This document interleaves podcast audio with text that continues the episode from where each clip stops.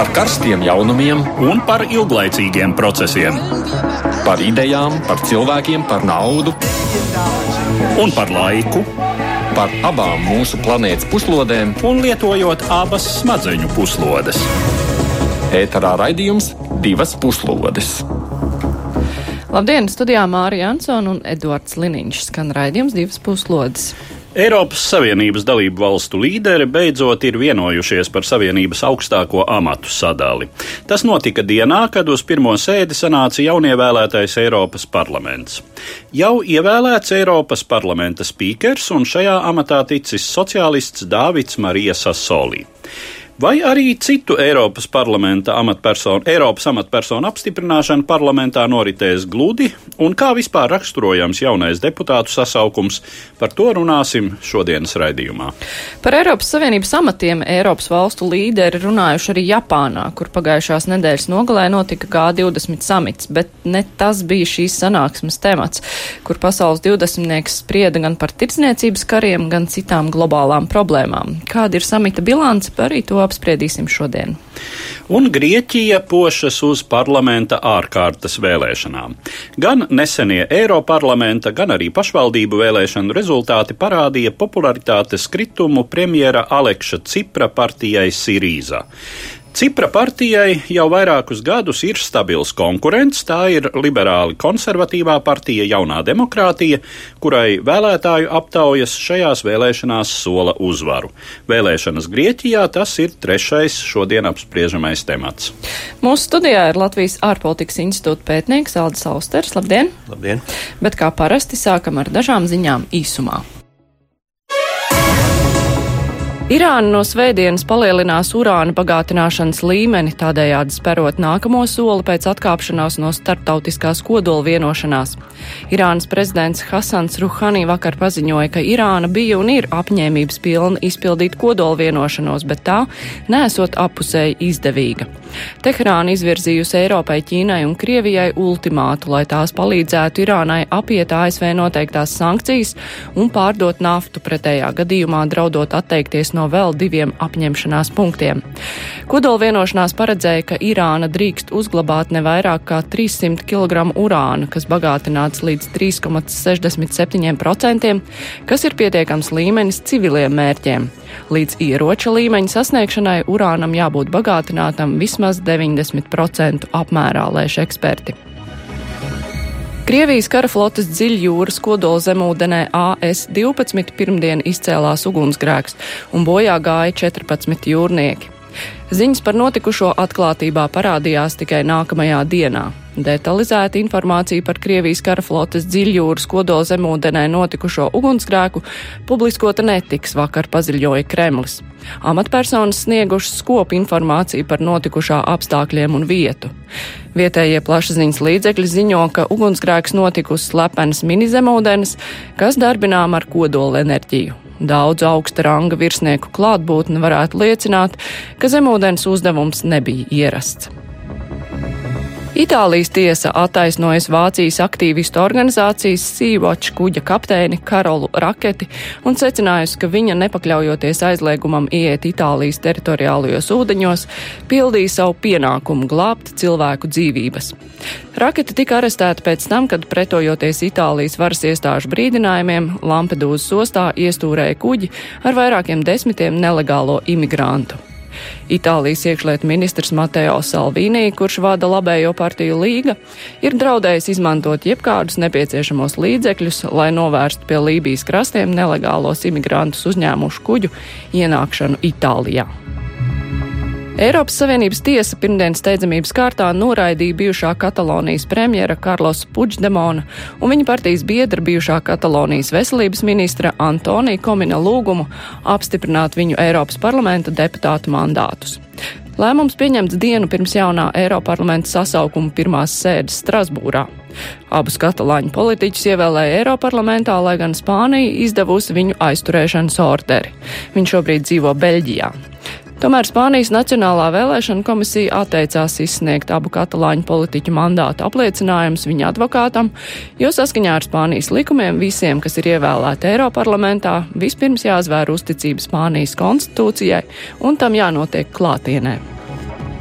1. jūlijā sākās Somijas prezidentūra Eiropas Savienības padomē. Prezidentūras stafeti tā pārņēma no Rumānijas. Somijas moto šim periodam ir ilgspējīga Eiropa, ilgspējīga nākotne, un tā īpaši pievērsīsies klimata pārmaiņām un Eiropas Savienības noteikumu ievērošanai. Runājot par klimatu pārmaiņām, Somija centīsies panākt, lai Eiropa vienojas līdz 2050. gadam kļūt par klimata neitrālu ekonomiku. Vairākām Austrum Eiropas valstīm ir iebildumi pret to, jo tās satraucas, ka ekonomikai varētu rasties zaudējumi. Jaunā Somijas valdība sociāldemokrāta Anti Rīnas vadībā ir nesen uzsākusi darbu, un jau tagad tai ir jāuzņemas arī prezidējošās valsts pienākums Eiropas Savienības padomē. Nīderlandē stājies spēkā aizliegums izmantot mobilos telefonus braucot ar velospēdu. Sots par noteikumu neievērošanu ir 95 eiro. 2017. gadā Nīderlandē negadījumos, kuros iesaistīti velospēdi, dzīvību zaudēja 207 cilvēki. Katru ceturto negadījumu izraisījusi mobīlo telefonu lietošana braucot ar velospēdu. Parasti avārijas notikušas klausoties mūziku vai runājot pa telefonu. Aizlieguma mērķis ir samazināt velospēdistu negadījumu skaitu. Tas attiecas arī uz planšetdatoriem, atskaņotājiem un kamerām. Ierīces būs aizliegts lietot braukšanas laikā, bet nestāvot. Jā, tagad atgriežamies pie sākumā pieteiktajiem tematiem. Tātad jaunais Eiropas parlaments ir sanācis, bet Eiropa doma par amatu sadali vienojusies. Otradien uz savu pirmo plenāru sesiju Strasbūrā pulcējās jaunievēlētais Eiropas parlaments. Pirmais deputātu uzdevums bija izraudzīties jauno parlamenta priekšsēdētāju. Pilnvaru termiņš ir divi ar pusi gadi, respektīvi puse no parlamenta pilnvaru laika. Jau kopš pagājušā gadsimta 80. gadiem nostiprinājusies saspēle starp divām lielākajām Eiroparlamenta frakcijām - Tautas partiju un sociāldemokrātiem nosaka, ka pirmajā ciklā šo amatu ieņem vienas lielākās frakcijas pārstāvji, otrajā - otras. Šāda kārtība, protams, nav paprātam mazāko frakciju pārstāvjiem, kuru kandidāti priekšvēlēšanu debatēs te veltīja kritiku. Tomēr tā kā abām minētajām frakcijām kopā Eiroparlamentā joprojām ir vairākums, schēma darbojās arī šoreiz, un parlamenta vadības stafeti no tautu partieša, partijas Forsa Itālija pārstāvja Antonio Tajānī pārņēma cits itālietis, sociāldemokrāts Demokrātiskās partijas biedrs Dāvids Sassoli. Savulaik viens no prominentākajiem Itālijas televīzijas žurnālistiem Sasolī pirms desmit gadiem uzsāka politiķa karjeru, tiekot ievēlēts Eiropas parlamentā. Jāteic, gan tas notika tikai ar otro piegājienu un visai nenozīmīgu pārsvaru - 345 no 667 balsīm. Taču galvenā intriga Eiropas Savienības politiku gaida pēc divām nedēļām kad nākamajā sesijā parlamentam paredzēts balsot par Eiropas komisijas prezidentu un Eiropas Savienības augsto pārstāvi ārlietu un drošības jautājumos. Paralēli parlamenta plenārsesijai Strasbūrā Briselē notika Eiropas padomes samits ar mērķi izvirzīt kandidātus uz augstākajiem savienības amatiem. Rezultāts daudziem ir pārsteidzošs. Komisijas prezidenta amatam izvirzīta pašreizējā Vācijas aizsardzības ministre Urzula Fonderleina, ārlietu un drošības virsvadītāja postenim Spānijas ārlietu ministrs Žozeps Borejs Līdz ar to Savienības valstu līderi ignorējuši jau iedibināto vadošo kandidātu jeb špidzen kandidāteni izvirzīšanas procesu, kas paredz komisijas prezidenta amatā ievēlēt tikai kādu no parlamenta frakciju iepriekš apstiprinātajiem pretendentiem. Tad nu lielais jautājums ir, vai parlaments piekāpsies. Līdz ar piesauktajiem diviem Eiropadomes samits apstiprināja kandidātus vēl divu nozīmīgāko Savienības institūciju vadībai. Par Eiropas centrālās bankas prezidenti paredzēts kļūt pašreiz pašreizējai Startautiskā valūtas fonda izpildu direktorei Kristīnai Lagardai, savukārt par Eiropadomas prezidentu, kura ievēlēšanai nav vajadzīgs Eiroparlamenta akcepts, kļuvis līdzšinējais Beļģijas premjerministrs Šārls Mišels. Jā, ja mēs runājam par amatiem, nu sākumā taču bija pavisam cits sadalījums. Sociālists Timermans, Eiropas komisijas vadītājs, Tautas partijai Eiroparlamentu vadība. Nu kam tik ļoti un kāpēc nepatika Timermans? Un mēs arī Timermans, bijām tie mēs, skaitā, kuriem uh, nepatika. Nu, mums viņš mazliet nepatika.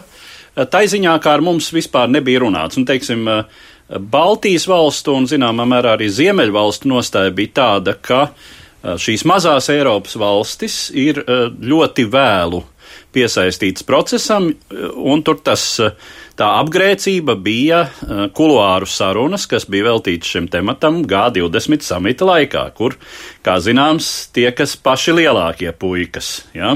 Bet tā parasti nenotiek. Tā mēdz notikt, bet tas daudziem nepatīk, lai gan, nu, salīdzinoši vislielākās pretenzijas un Timermansa kungam liktenīgs bija tā, sauk, tā saukto Višehradas valstu viedoklis, tā ir Ungārija, Polija, Čehija, Slovākija, kurām Timermansa kungs, nu, būdams izteikts Eiropas liberāli demokrātisko principu aizstāvis, ir veltījis gana daudz kritisku vārdu demokrātijas kvalitātes ziņā, pirmkārt Ungārijai un Polijai Uh, un uh, arī Timermansa kunga nostāja migrācijas jautājumā. Mēs zinām, ka Ungārijā, jo sevišķi arī Polijā lielā mērā, arī Čehijā mm, pie varas esošās partijas ir ar izteiktiem antimigrācijas akcentiem savā politiskajā programmā tas būtu grūti salāgojams ar Timermans kunga nostāju. Nu, bet uh, vismaz ir zināms, uh,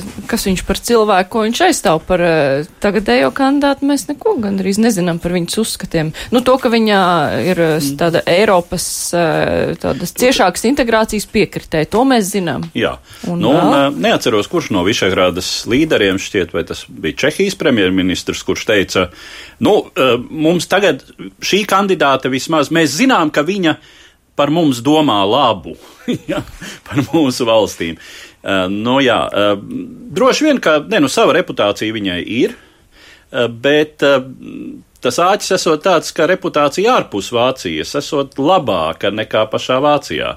Gadās. Kur tā pēdējā karjeras, tas pēdējais karjeras pakāpiens, proti aizsardzības ministrija, Latvijā varētu tas šķist paradoxāli, bet Vācijā aizsardzības ministrija esot uh, tā sacīt, karjeras slepkava prominentiem politiķiem. Ļoti lielas iespējas iegrābties dažādās nepatikšanās, un arī Fonderlejenas kundzei nesot veicies. Nevis tā kā mums, mums tas ir labs karjeras pakāpiens. Mums ir mēdz. Uh, aizsardzības un kultūras ministrija, tās ir divas, kurās karjera raķet, uh, reputācija raķetē ministram vienkārši. Jā, Austerkungs, ko mēs zinām par šo kandidāti? Um, taisnība jau ir, ka ārpus Eiropas viņi ir mazāk pazīstami šobrīd nekā nekā varbūt Vācijā tieši. Un, Um, bet kopumā um, Ursulas Fonderlejenas personība ir salīdzinoši simpātiska. Jāsaka, tomēr viņa ir septiņu bērnu mamma. Viņa ir um, dzimusi un augusi Briselē. Viņas tēvs bija viens no pirmajiem Eiropas Savienības tā saucamajiem birokrātiem. Viņa ir perfekti runā franču un vācu valodās. Ilgstoši dzīvojas arī Savienoties valstīs, tāda jāpieņem, ka ar ļoti labu angļu valodu. Un patiesībā, acīm redzot, nozīmīgākais faktors, kas, kas viņu ir izvirzījis priekšplānā, ir tieši Francijas prezidents Emmanuels Makrons. Jo, acīm redzot, viņam ir diezgan liels saskaņas savos viedokļos. Ursula von der Leyen ir aizstāvējusi kopīgās Eiropas armijas koncepta ideju. Un, un tas, šīs idejas, kā zināms, ļoti arī uzrunā, pret viņām cīnās arī Makrons. Līdz ar to es pieņemu, ka tas bija, nu, tā teikt, um, um, Makrona plāns. Um, kas saka, mm, situācijā, mm, kurā ļoti nevēlams šķita Eiropas Tautas partijas virzītais uh, vācietis Manfreds Webers, uh, tad vismaz, lai piekāptos, lai Vācija būtu tomēr vācietis komisijas priekšgalā, uh, dot iespēju kādam citam no Vācijas. Bet politiķiem. interesanti, ka Vācijas kanclere atturējās balsojumā.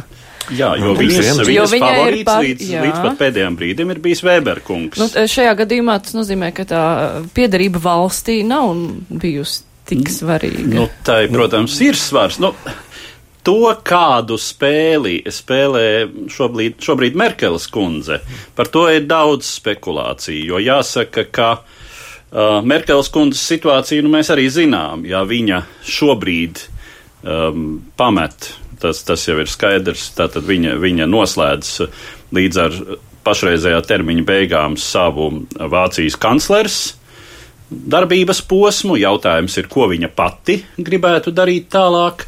Tas ir viens un arī. Nu, lasīju tādu viedokli, ka Fonderlejenas kundze, arī būdama prominenta un ambicioza politiķe zināmā mērā šobrīd neiedaras tai varas nomaiņas, vadības nomaiņas modelī, kurā tomēr līderes ro, loma ir uh, Krampas Karenbaueras kundzei.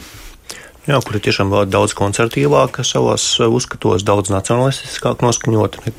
Jo, teiksim, Ursula Fonderleina ir tieši pretēji. Viņa ir ļoti eiropiski noskaņots uh, politiķis. Un, un, un, un tādējādi, jā, nu, tas ir, teiksim, tas ir varētu, varētu labi, šīm kopējām tendencēm. Jā, varētu labi Fonderleienas kundze aizcelt uz Briseli, lai Vācijā viss ritētu gludāk. Nu jā, Iespējams. Mm -hmm. Bet jāatzīmē vēl tas, ka Vācija nebloķēja, Merkel nebloķēja viņas no. nominēšanu, jo tas būtu tiešām jocīgi, ja Vācija bloķē mm, situācijā, kurā ir viņus, viņu, viņu valsts pārstāvs tiek virzīts tomēr par Eiropas komisijas prezidentu. Jā, nu tieši tā. Bet uh, tas fakts, ka šī kandidāta tika izvilkta, nu, kā trusīts no cepures, tieši tāpat arī kā Eiropas eh, parlamenta vadītājs. Uh, nu, pirms tam neviens ne, negaidīja, ka viņš būs. Nu, tā ir normāla prakse. Vi, apsprieda vienus ļoti plaši, nu, bet realitātē parādījās pavisam vadītāju. Citi. Nu, grūti teikt. Es, uh, varbūt, ka uh, Austerkungam ir vairāk priekšstata, cik, uh, cik uh, pašreiz ievēlētais uh, tā tad.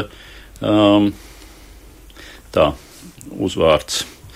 Uh, Jā, tā ir visi meklējot. Tāpēc jā. tas vien jau rāda, ka viņš ir nepietiekoši nu, pazīstams cilvēks, jā, ka nu, ātrumā nu, nenāk. Tā nu ir sanāca, jā, bet, bet nu, cik viņš ir bijis prominents savā frakcijā, nu skaidrs, ka uh, sociālistu un demokrātu frakciju viņi ir izvirzījusi. Nu jā, nu viņš bija vietnieks spīker, viņš ir nu, vadījis jā. pat sēdes nu, savā laikā. Tā tad, bet, tā tad uh, zināms. Es eh, pirms raidījuma sazvanījos ar mūsu jauno Eiropa parlamentārieti Ivaru Ijabu un eh, nu, vaicāju arī viņam par viņu pirmajiem iespaidiem eh, šajā amatā un tajā skaitā arī par šiem te amatpersonu izvirzīšanu.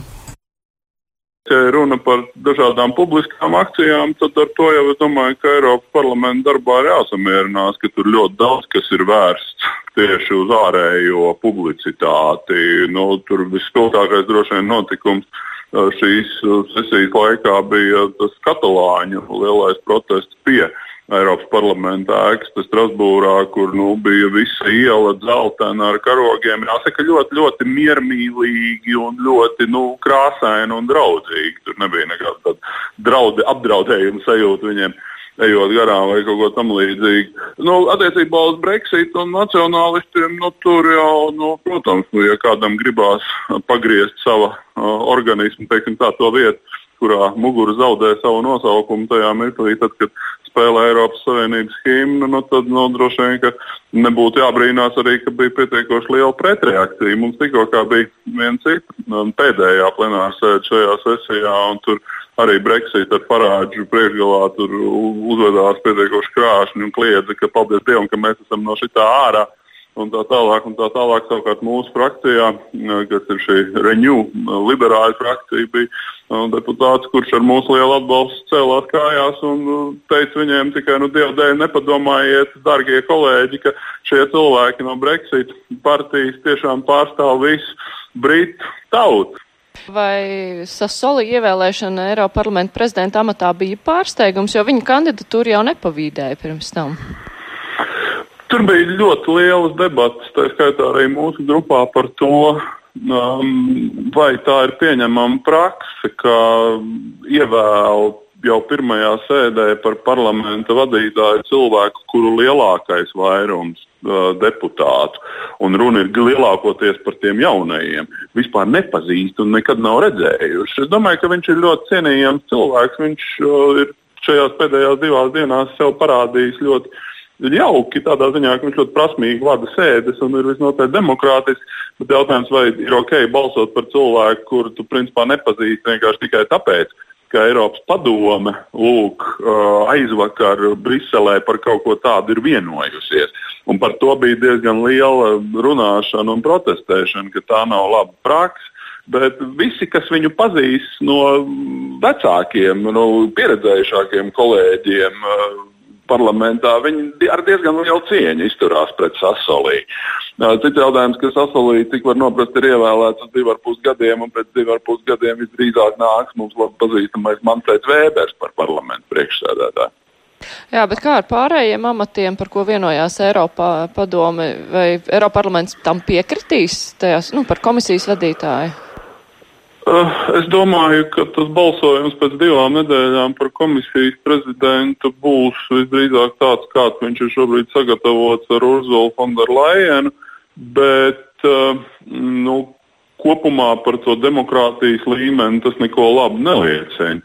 Jo, nu, pirmkārt, Urzula Fonderlaina ir ļoti cienījama un arī Latvijai ļoti draudzīga Vācijas aizsardzības ministra. Tā ir ļoti liels, liels pārsteigums pašiem vāciešiem, ka tagad nezinu kāpēc kur ir visu laiku runāts par Weberu un par Timermans. Un tagad kaut kā vienkārši sanāk cilvēki vienā slikti veidināmā istabā Briselē kopā un izvelk tā kā trusi no cilindra Vācijas aizsardzības ministri. Tas ļoti daudziem pašiem vāciešiem liekas baigi dīvaini, kāpēc tā var būt. Un tas nozīmē, ka tās augstā spicēna kandidātu sistēma diemžēl ir norākta. Jo, nu, piemēram, tāds Manfreds Vēbers, es domāju, ka viņš noteikti ir cilvēks ar ļoti stipriem nerviem, bet nu, kaut ko tādu pārdzīvot, tādu pazemojumu, ka tev tur vairākus mēnešus dzēna apkārt kā nākamo Eiropas komisijas prezidentu, un pēc tam pasakā, zini, piedod, bet laikam šoreiz tomēr nesanāks, tāpēc, ka mēs kaut ko citu sarunājām istabā ar džekiem? Uh, tas, es domāju, ka tā ir ļoti slikta praksa.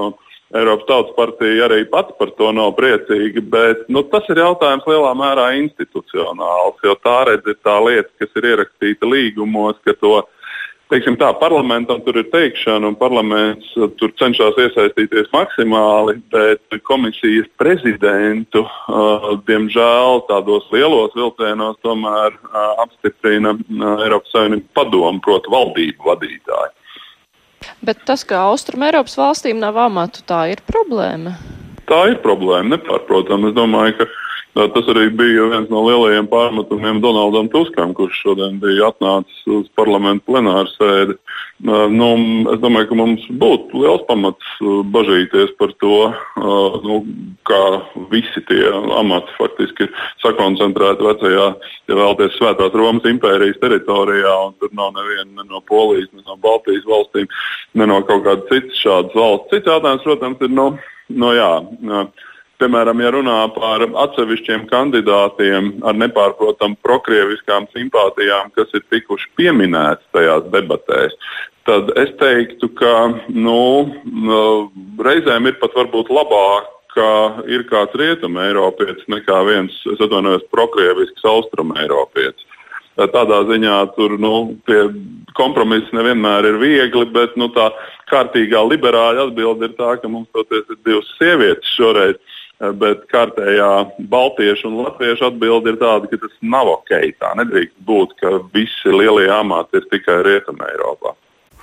Jā, vai Austrum Eiropai tas kaut kā var tikt kompensēts ar citiem amatiem, komisāra amatiem, sadalot kaut kā tādus? Nu, jā, varbūt ietekmīgāk, salīdzinoši ietekmīgāk. Mm. Nu, kā zināms, katrai valstī viens komisāra amats nu, jā. izvirza valsts valdība, bet jā, protams, to, kāda svara portfeli tu dabūsi. Nē, nu, tur ir, eh, protams, nozīme arī paša individa spējām, reputācijai un tā tālāk. Nu, mums šai ziņā Dombrovska kungs jau ir sev labu renomē nopelnījis. Es domāju, viņš var pretendēt arī turpmāk palikt eh, ar gana ietekmīgu, nu, kas zina, vai ar to pašu, bet ar, ar kādu gana ietekmīgu amatu. Eh, bet, nu, tur, tur ir jā, tur ir, tur ir iespējas mazliet, tā sacīt, saldināt to, to rūkto situāciju, kas ir rūkta starp citu ne tikai Austrum Eiropai vai Centrāla Eiropai, nu, Skandināvijai, Ziemeļa Eiropai jau arī nav faktiski. Jā, tā tad tiešām, nu, vienīgais salīdzinoši vidēja mēroga valsts pārstāvis ir, lūk, Mišela kungs no Beļģijas.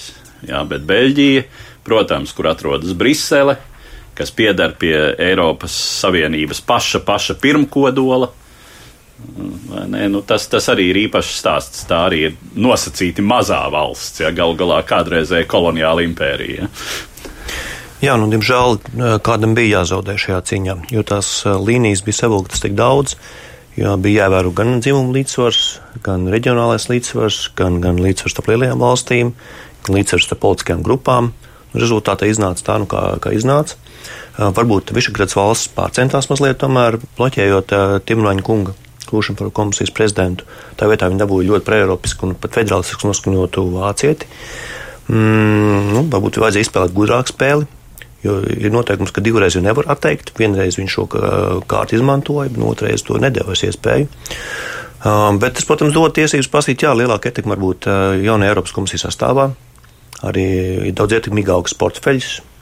Uh, tas dod iespējas, ka varbūt arī Roskungam izdosies saglabāt teikšanu par, par monetārajām lietām Eiropas Savienībā. Un, un jāatzīm arī, ka Slovākijas pārstāvis ir arī nominēts kā viens no viceprezidentiem Eiropas komisijas. Nu jā, bet uh, var saprast, kāpēc Donalds Tusks ieguva Eiropadomes vadītāja amatu, jo Polija ir liela un Polija ir no Austrum Eiropas, un tad tas līdzsvars tika ievērots tajā pašā laikā, nu ir laiks pagājis, un vairākas Austrum Eiropas valstis, tajā skaitā arī Polija, ir parādījuši zinām nepaklausību Eiropas Savienībai. Tas nav tā kā tāds sots, nu, ka, ka neievēro es noteikumus. Es neizslēgtu šī motīva klātbūtni. Jā, nu, tur tas, tas ir tas jāņem vērā tiešām konteksts, un konteksts sastāv no daudziem dažādiem uh, faktiem, un tas var būt arī tiešām kā tāds signāls, kā nu, tomēr ir zinām noteikumi, pēc kuriem ir jāspēlē un jāuzvedās ir tomēr kā pienācīgi kā Eiropas Savienības dalību valstīm, ja vēlties, lai jums ar jums rēķinās. Protams, jā. Jā, bet, e, protams, mēs jau runājam šobrīd par šiem amatiem kā notikušiem, bet parlamentam tomēr ir jābalso. Jā, bet jā. E, ir bažas, ka var nenobalsot. Jāņem vērā, ka ir divas trešdaļas gandrīz jauni deputāti, kuriem varbūt ir savas ambīcijas. Nu, ambīcijas vai priekšstati. Priekšstati par, eh, tomēr par demokrātiju. Eh, nu, eh, teiksim tā, es domāju, ka mm, visdrīzāk, ka tautas partijas frakcija, nu, spriežot arī starp citu, teiksim, no Kariņa kunga izteikumiem, pozitīviem izteikumiem par Fonderlajenas kundzi, uh, Uh, droši vien, ka tur vairāk vai mazāk uh, visi ir jau disciplinēti, bet sociāldemokrātiem Timermans kunga izgāšanās dēļ, jo, nu, uh, te tik minēts Weberkungs, kurš tika virzīts, bet nu, tas, ka Weberkungs ir ļoti salīdzinoši neharizmātiska personība. Uh, tas ir skaidrs, un par viņu bija, teiksim, tā šaubu motīvi jau no paša sākuma. Bet Timermans kungs, kurš ir ļoti mm, prasmīgs, tāds grots politiķis. Uh, un, un vēl dienu pirms uh, pašreizējo kandidātu nosaukšanas, nu visi bija, vairums bija pārliecināti, ka tieši viņš tiks nominēts. Sociāldemokrātiem varētu būt liels zops. Jā. Nu, te ir jāņem vērā, ka Timervien kungam bija liela pretestība viņa kandidatūrai tieši no um, Dienvidu valstīm. Jo, ja Timervien kungs tiktu apstiprināts Eiropas komisijas prezidenta amatā, visticamāk par nākošo Eiropas centrālās bankas prezidentu kļūtu vācietis. Un tas solītu ļoti liels nepatikšanas gan Eirozonas ekonomikai kopumā, gan Eiropas Savienībai kā projektam, gan arī cena pasaules ekonomikai. Un, un tāpēc Itālija noteikti būtu bloķējusi Timermana kunga arī virzīšanu, un iespējams, viņu nobloķēja. Un, un, nu, principā jau Timermana kungam vajadzēja arī to saprast, nu, jā. ka neizdosies. Jā, bet būtiskais jautājums ir vispār par to, uh, kas ir noticis ar špicenu kandidātu mm. procesu. Jo nu bija, ja es pats braucu uz Briseli, klātienē vērot šīs debates, sēžu zāli bija pārtaisīta par debašu studiju. Uh, visi nozīmīgākie kandidāti, um, divu uh, prasmīgu, prominentu žurnālistu vadītā diskusijā, jā, savā starpā, nu, teiksim, latviešu nu. blicējās. Ja? Tas izskatījās pārliecinoši. Tas izskatījās tā kā pirms normālām parlamentu vēlēšanām, kad savā starpā debatēja nu jā, potenciālie premjeri. šiem kandidātiem pēc tam kandidēja uz spīkera amatu un tāpat netika. Jā, bet Eiropas Savienība tomēr ir, ir daudz sarežģītāks politisks process nekā varbūt mums tas šķiet no Latvijas perspektīvas. Un jāatcerās, ka, nu, principā šo spicentu kandidātu procesu ir sagaidījis tas pats liktenis kā Eiropas konventu. Atcerieties, 2000. Gada, 2000. gada sākumā pēc Vācijas ierosinājuma tika sasaukts Eiropas konvents, lai izstrādātu jauno līgumu Eiropai. Šis konvents šo līgumu izstrādāja un, un šo līgumu beigās izsvieda pa logu Francijā un Nīderlandē. Un to arī šis konventa modelis tika nogalināts efektīgi. Un šeit, acīm redzot, notiek tas pats. Vācija kaut ko vēlās, piedāvā pārējām Eiropas valstīm no savas iekšējās teiksim, demokrātijas parauga parauga elementu, bet viņš nedarbojās Eiropā. No to jau Emmanuels Makrons uzreiz teica, ka šis process neies cauri. Nu, tomēr mēģināja to stumt, Vācijas stūmu, stūmu, stūmu, stūmu, un nu, tas ir nonācis loģiskā galpunktā. Nu jā, kas notiks ar izvirzītiem kandidātiem, to mēs pēc pāris nedēļām redzēsim. Mums tagad ir jāpievēršās G20 samitam. G20 jeb 20 grupa dibināta 1999. gadā ar sākotnējo mērķi veicināt pasaules finanšu stabilitāti un sākotnēji darbojās kā valstu finanšu ministru un centrālo banku prezidentu fórums. Grupu veido 19 ekonomiski ietekmīgākās pasaules valstis un Eiropas Savienība, kuru organizācijā pārstāv Eiropas komisijas un Eiropas centrālās bankas vadītāji. Jaunu attīstību organizācijai deva globālā finanšu krīze, kas aktualizēja vairāku ekonomiski nozīmīgu valstu ciešāku iekļaušanu globālajā dialogā. Dalību valstu pārstāvniecības status tika paaugstināts līdz valdības vadītāju līmenim. Kopš 2008. gada notiek ikgadējie G20 samiti. Šobrīd G20 valstis aptver apmēram 90% no pasaules koprodukta un apmēram divas trešdaļas planētas iedzīvotāju skaita. Šī gada G20 samits risinājās 28. un 29. jūnijā Japānas pilsētā Osakā. Tā noslēguma deklarācija postulē dalību valstu uzticību citējot brīvas, godīgas, nediskriminējošas, caurskatāmas, prognozējamas un stabilas tirzniecības un investīciju vides principiem. Tāpat tiek deklarēta gatavība risināt klimata pārmaiņu, piesārņojuma un citas vides kvalitātes problēmas. Tomēr pozitīvo deklarāciju fonā nepatīkami vīd konkrētās pretrunas, kuru galvenais avots šī brīža globālajā ekonomikā ir pašreizējās Savienoto valstu administrācijas īstenotā protekcionisma politika un savrupā pieeja ekoloģijas jautājumiem. Galvenā samita tēma nenoliedzami bija ekonomisko attiecību saspīlējums starp Savienotajām valstīm un Ķīnu, planētas pirmās un otrās lielāko ekonomiku. Relatīvi labā ziņa samita noslēgumā bija tā, ka pašreizējā tarifu karā pagaidām nav gaidāma jauna eskalācija. Sarunas turpinās. ASV negrasās ieviest jaunus tarifus. Pateicoties Eiropas līderu, sevišķi Francijas prezidenta Emanuela Makrona uzstājībai, gala dokumentā paturēta atsauce uz Parīzes klimata vienošanos, gan pievienojot atrunu par Savienoto valstu īpašo pieeju globālo vides problēmu risināšanai. Daudzu novērotāju uzmanība bija pievērsta Krievijas prezidentam Vladimiram Putinam, kura kontaktus ar pasaules līderiem neglābjami apzīmogo Krievijas agresīvā un avantūristiskā ārpolitika. Ja Britu premjera Terēza Meja abu tikšanās laikā bija īsts saltuma iemiesojums, jau atkal atgādinot Krievijas līderim skripaļu indēšanas skandālu, tad gluži citādi uzvedās Donalds Trumps pārvērsdams jokā kādas žurnālistes piesaukto Krievijas iespējamo iejaukšanos Savienoto valstu vēlēšanu procesā.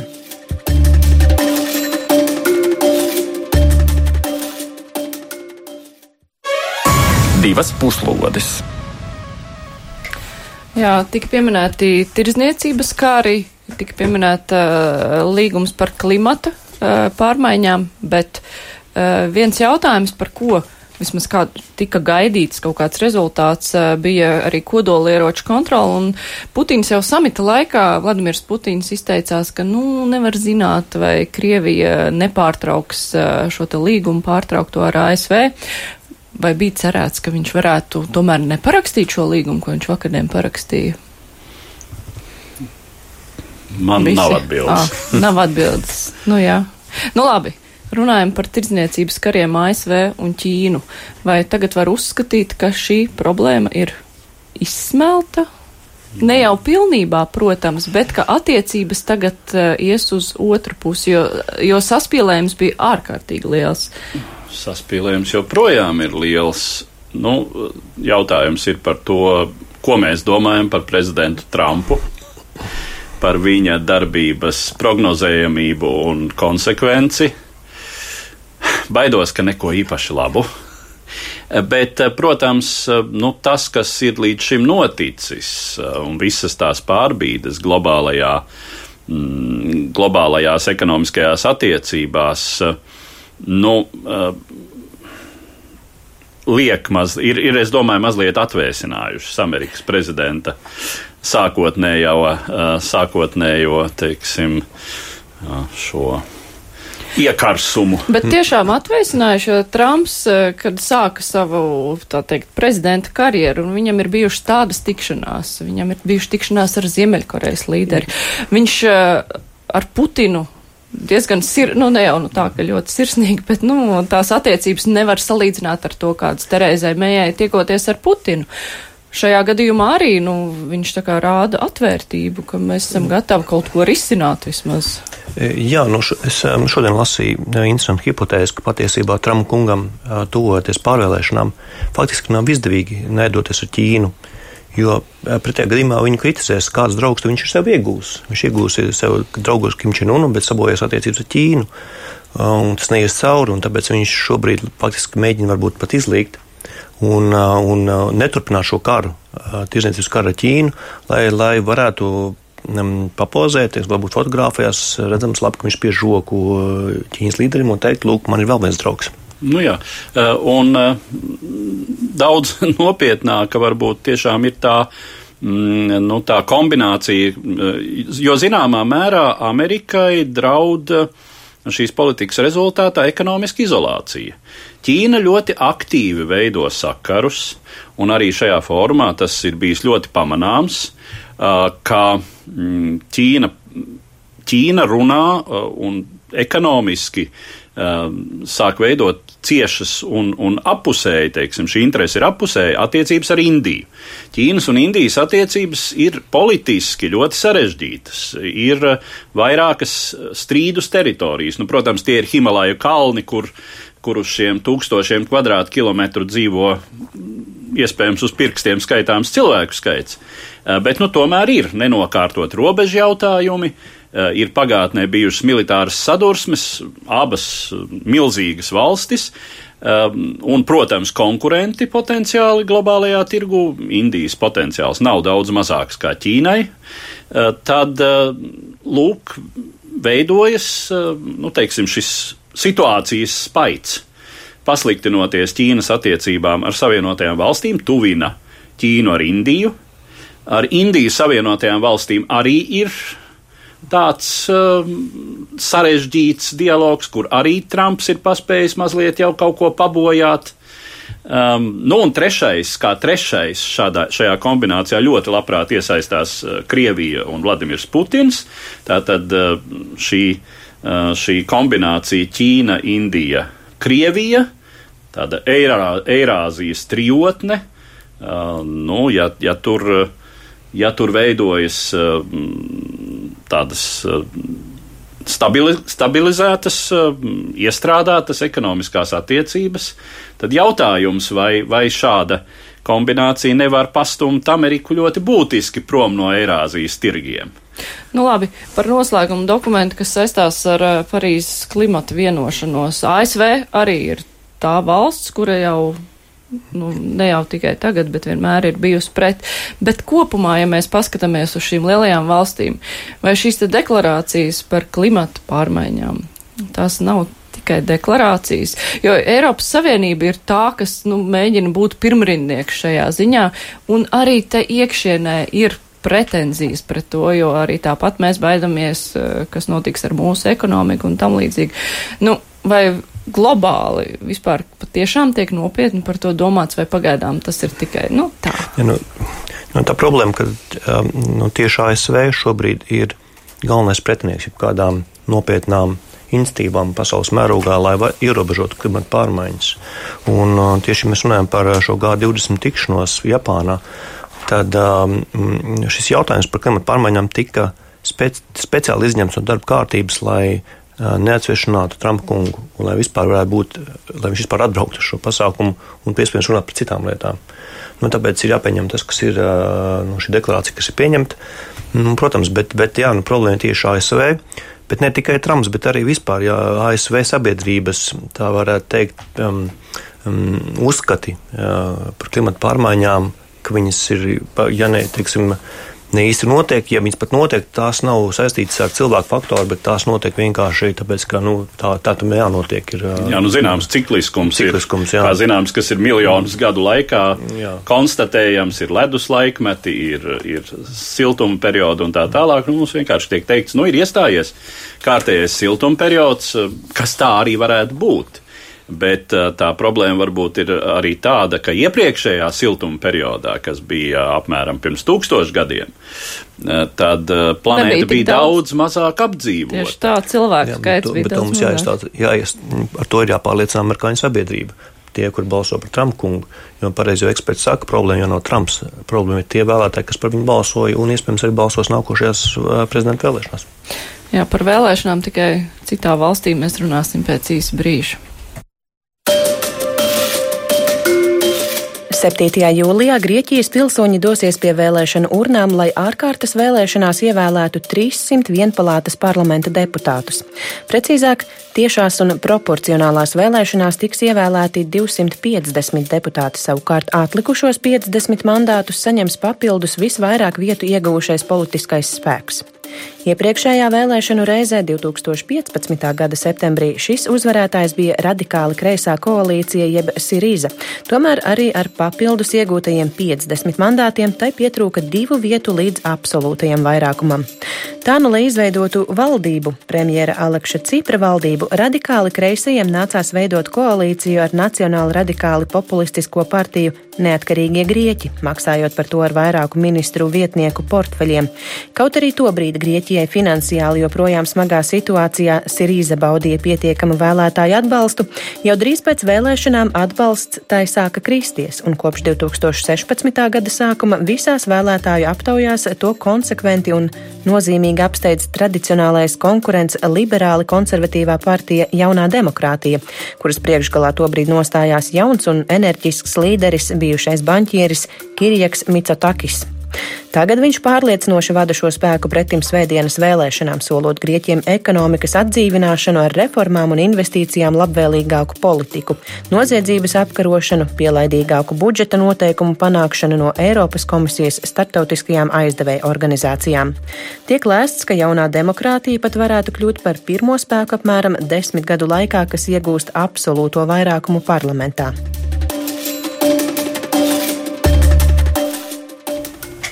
Es atgādināšu, ka mūsu studijā ir ārpolitikas institūta pētnieks Aldis Austers un mums pievienojusies Latvijas radio ziņdienas žurnāliste Elasim Jaunavas. Labdien! Ela, tu ilgāku laiku dzīvoji Grieķijā, tev vēl ir kontakti saglabājušies ar Grieķiju. Jā, protams, Kādi noskaņojumi? nodzīvot, līdz ar to es, protams, arī. Nu, kāds noskaņojums tur šobrīd valda pirms vēlēšanām un kas ir tā mēraukla, kā cilvēki vērtē? Kas ir svarīgi, kādus solījumus viņi gaida? Mhm. Jā, tas ir ļoti pareizs jautājums, ko tu tagad uzdevi, jo noteikti tas, uh, cik ļoti um, cilvēki varēja noticēt tiem solījumiem, bija skaidrs arī brīdī, kad uh, iepriekšējā um, valdība tika izveidota, ja, kad uh, atnāca uh, partija, kura pateica, ka šodien, ne, vakar. Nē, nu labi, rīt pusdienu laikā mēs pārausim jebkādu vienošanos ar starptautiskajiem aizdevējiem, un šodien nu gan sāksies jaunā dzīve. Aizmirstiet par visiem tiem gadiem, kad jūs um, klanījāties uh, Vācijai vai vēl kādiem tur pakalpiņiem, jā, ka mēs esam te, tie neatkarīgie grieķi, ka spēsim parādīt, ka esam ar mugurkaulu. Nu, lūk. Protams, man kā cilvēkam no, ar citu mentalitāti, ar citu domāšanu, man bija skaidrs, ka ir, tas ir tikai laika jautājums, kurā brīdī tas viss pārtrūksies un, un sabiedrība sapratīs, ka nu, nevienmēr ir. Vai, vai pat bie, biežāk nav jātic solījumiem, vairāk ir jādomā pašiem, nu, kā izkļūt no tās situācijas, jo skaidrs, ka nu, bija ļoti ilgstoši nomocīta tā tauta un uh, ļoti gribējās noticēt uh, brīnumam un kaut kādam tādam kaut kādam politiskajam spēkam, kurš izvedīs saulītē šo valsti. Bet, diemžēl, ir jāsaka tā, ka mm, nu, tur, tur ir, vajadzīga liela deva um, tādas paškritikas. Es domāju, tai grieķu tautai, lai varētu atzīt to, kas bija padarīts nu, kas noveda pie tās krīzes. Bet, eh, ja nu salīdzina, kā cilvēki dzīvoja tad un tagad, ir Jā. palicis labāk vai ir palicis sliktāk? Nē, nu, situācija tur ir ļoti sarežģīta, teiksim tā. Jā, tiešām ekonomiski ir ļoti grūti dzīvot. To, ja jūs aizbrauksiet uz Grieķiju un parunāsiet ar iedzīvotājiem, ar uzņēmējiem, jūs sapratīsiet. Protams, līdzīgi runāja arī pirms pieciem gadiem, bet, nu, jāsaka gan, ka palicis vēl grūtāk, jo jaunie iedzīvotāji ir aizbraukuši uz ārzemēm, tie, kuri spēja atrast kaut kur savu labāku vietu, tie arī skatās. Ir, protams, arī tie, kas paliek un uh, mēģina cīnīties. Bet nu, šobrīd tā situācija, protams, ir tāda. Es arī Tagad uh, sazvanījos uh, burtiski pirms ētera, lai pajautātu, nu, ko tad jūs sagaidāt. Un tiešām tās gaidas, nu, latviešu valodā, ekspektācijas ār, ārvalstu, tā kā, īst, ja mēs ar. Svešvārdā. Jā, jā, izsakāmies paldies. Nu, tad tās ir diezgan lielas, un um, šobrīd uh, ir tie svari sasvēršies uz otru pusi, nu, ka tomēr, um, jā, ir pamanīts, ka tomēr nu, ir jāskatās uz konservatīvo spēku, kurš, lai gan arī krīzes gados taupīja, taupīja, bet arī, nu, redz arī kreisie radikāļi, tā kā arī bija spiest parakstīt to aizdomu vienošanās. Līdz ar to, nu, tā kā arī šobrīd ir tāda nu, vilšanās par to, par neizpildītajiem solījumiem, ir cerības par to, ka nu, būs izmaiņas šajā valstī, un, un tās ir diezgan lielas. Jā. Tāpēc arī tāds eh, diezgan precīzi bija raksturojums, jā, ka varētu būt jaunā demokrātija, kas um, pilnīgi pietiktu ar um, pašas balsīm deputātiem um, parlamentā, lai veidot valdību, un tā starpība ir 80%. Um, bet, eh, bet ko vispār var sagaidīt no šīs jaunās demokrātijas, jo jau tas formulējums liberāli, konservatīvā partija, kur vispār nav skaidrs, kā tās divas lietas salikt. Viņi tika dibināti uh -huh. 70. gados, tad, kad um, atjaunojās demokrātija Grieķijā. Un viņi ir daļa no establishmenta, vecā establishmenta, uh, kurš tika izmests pa logu, tad, kad pie varas nāca Aleksis Cipras. Bet tagad, acīm redzot, izveidojas, izveidojas pateicīgs konteksts, lai viņa nonāktu kā pie varas. Pēc tam, kad ir sabiedrība dzīvojusi četrus gadus ar, ar, ar radikālu kreisu valdību. Jā, situācija pakāpeniski, ļoti pakāpeniski, bet makroekonomiskajā līmenī uzlabojas. Eh, nu, to, es domāju, Latvijā mēs arī ļoti labi šo izjūtu saprotam. Jā, mēs redzam makroekonomisku uzlabošanos, kur ir konkrētā uzlabošanās manā dzīvē, kur ir mani lielāki ienākumi, kur ir man mazākas cenas, mazāki nodokļi. Um, nu, teiksim, Cipra valdība nu, krita par upuri šim procesam, var teikt vispirms tiešām pārāk daudz skaļu solījumu. Eh, ļoti neveiksmīgs, es domāju, tiešām tas tiek atzīmēts lēmums sarīkot referendumu. Nevelti Latvijas satversmē ir noteikts, ka par finanšu jautājumiem, par budžeta jautājumiem referendumus nerīko. Tātad viņi sarīkoja referendumu par šiem finanšu noteikumiem.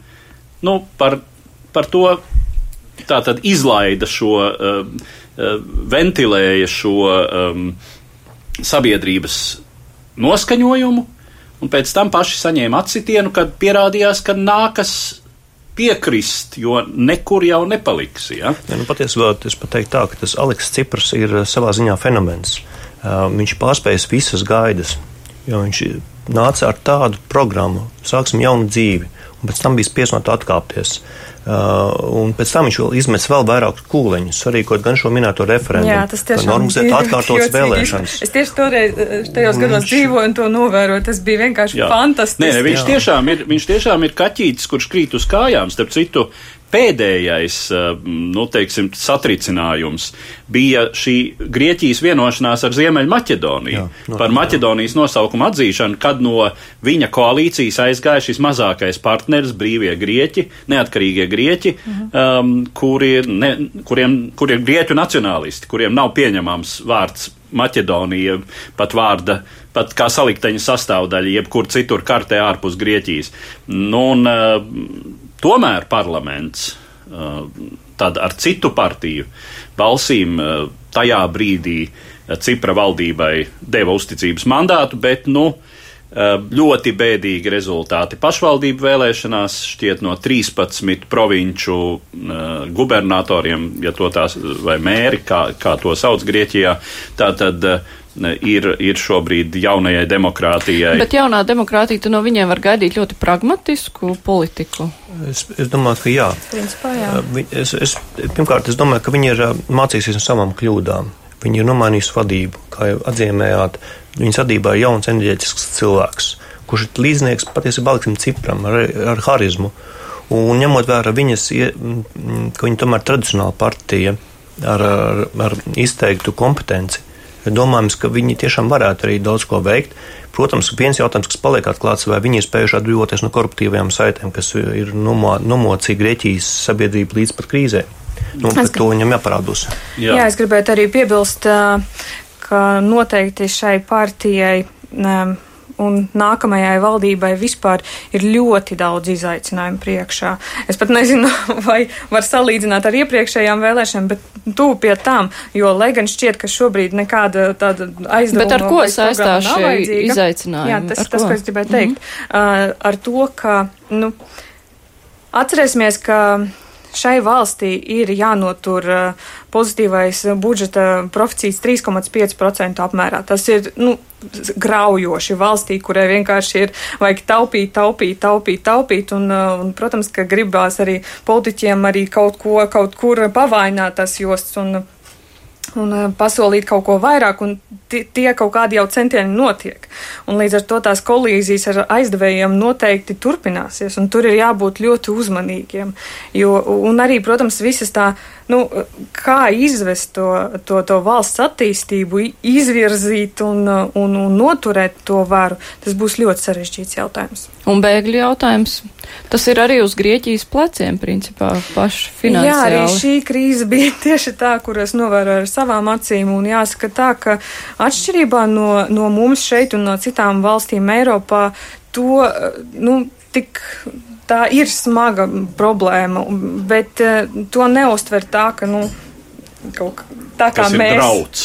Tas ir primāri drauds. Jā, tomēr ir, grieķu tautai ir, protams, ir arī etniski noskaņot, bet arī liela tāda, nu, līdzcietība un, un pārdzīvojuma līdz ar tiem cilvēkiem.